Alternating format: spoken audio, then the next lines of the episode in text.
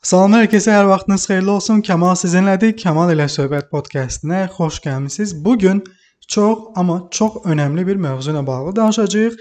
Hər zaman olduğu kimi, amma sözün həqiqi mənasında bu gün danışacağımız mövzu e, demək olar ki, olmazsa e, satışı bağlamaqdır, satış danışıqlarını və ya da satış görüşlərini keyfiyyətli səviyyədə aparmaqdır. Bunlar kənarda qalacaq, yanda qalacaq.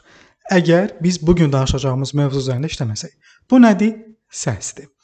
Səs satışda niyə önəmlidir?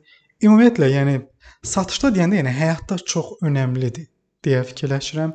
Həmişə də ağlıma belə bir nümunə gəlir ki, məsəl üçün arada bir təlimlərə deyirəm. Fikirləşin ki, e, bir cavan oğlandır, yəni xanımlar üçün deyirəm, aramızda bu podkastı qulaq asan məsəl üçün xanımları istəyirəm canlandırsınlar beyinlərində. Bir hündür boy oğlan fikirləşir. Çox yaraşıqlı oğlandır. Hər şey çox gözəldir, amma bəy yaxınlaşır, ağzını açır, cici səslidir. Nə oldu? Karizma yerlə birdir. Amma yenə də boyu balaca, çox da yaraşıqlı olmayan, amma və lakin səsi yaxşı və normal olan bir insan, normal deyəndə də yəni yaxşı və ya da çox yaxşı olan bir insan olanda adam elə bir ki, huzur tapır o insanla yenə də ünsiyyət qurmağa çalışır, yenə də əlaqə yaratmağa meyllidir. Eynisi də xanımlara aiddir. Səs olmayanda karizma yenə birdir. Həqiqətən belədir, tam səmimi deyəcəm. Amma satışda amma denir, yəni satış da bundan əslində fərqlənmir. Daha çox da telefon satışlarıdır. Reallıq bundan ibarətdir və bu statistik bir göstəricidir. Telefon üzərində edilən satış danışıqlarının 85%-ni sizin səsiniz həll eləyir. Yəni bu gün kamalı görməyən bir insan bu podkastı dinləyirsə, məsələn sənlə danışıram elə, sən məni görməmisən heç yerdə. Nə Instagramda, nə, nə LinkedIn-də, nə canlıda görməmisən, səsimi dinləyirsən. Sən artıq avtomatik olaraq səsimə uyğun mənim rəsmimi çizməyə başlayacaqsan. Bu adam enerjilidirmi? Bu adam işini savadlısıdırmı? Necə görsənir görən, hündür boydumu, alçaq boydumu və s. və daxil. Səsimə görə artıq çox şeyi müəyyən etməyə başlayacaqsan. Bu reallıqdır. Və mən darıxdırıcı səs səslənsəm, eyni qaydada, hətta nə qədər yaxşı görünüşlü, nə qədər savadlı da olsam, ona uyğun mənlə bağlı bir şey fikirləşməyə başlayacaqsan.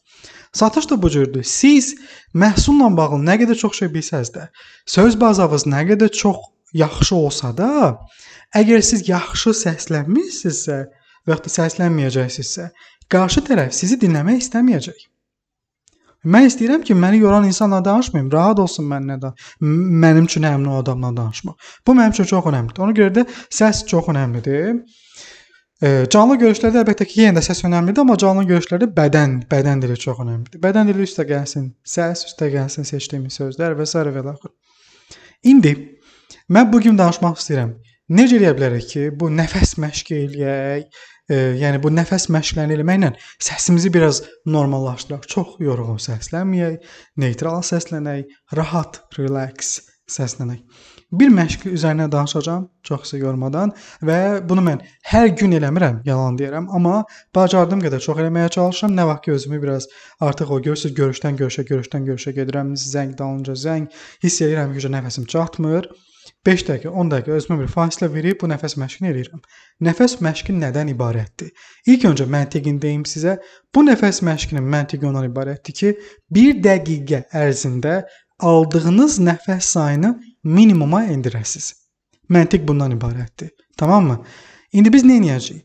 Nəfəs alma və vermə prosesini və necə elə və eyni zamanda nəfəsi saxlama prosesinə ümumilikdə ümumilikdə hər hər birini ayrı-ayrılıqda özür istəyirəm 5 saniyə vaxt ayıracaq. Yəni mən nəfəs alarkən burnumdan nəfəs alıram və nəfəs almanın özü 5 saniyə çəkməlidir. Yəni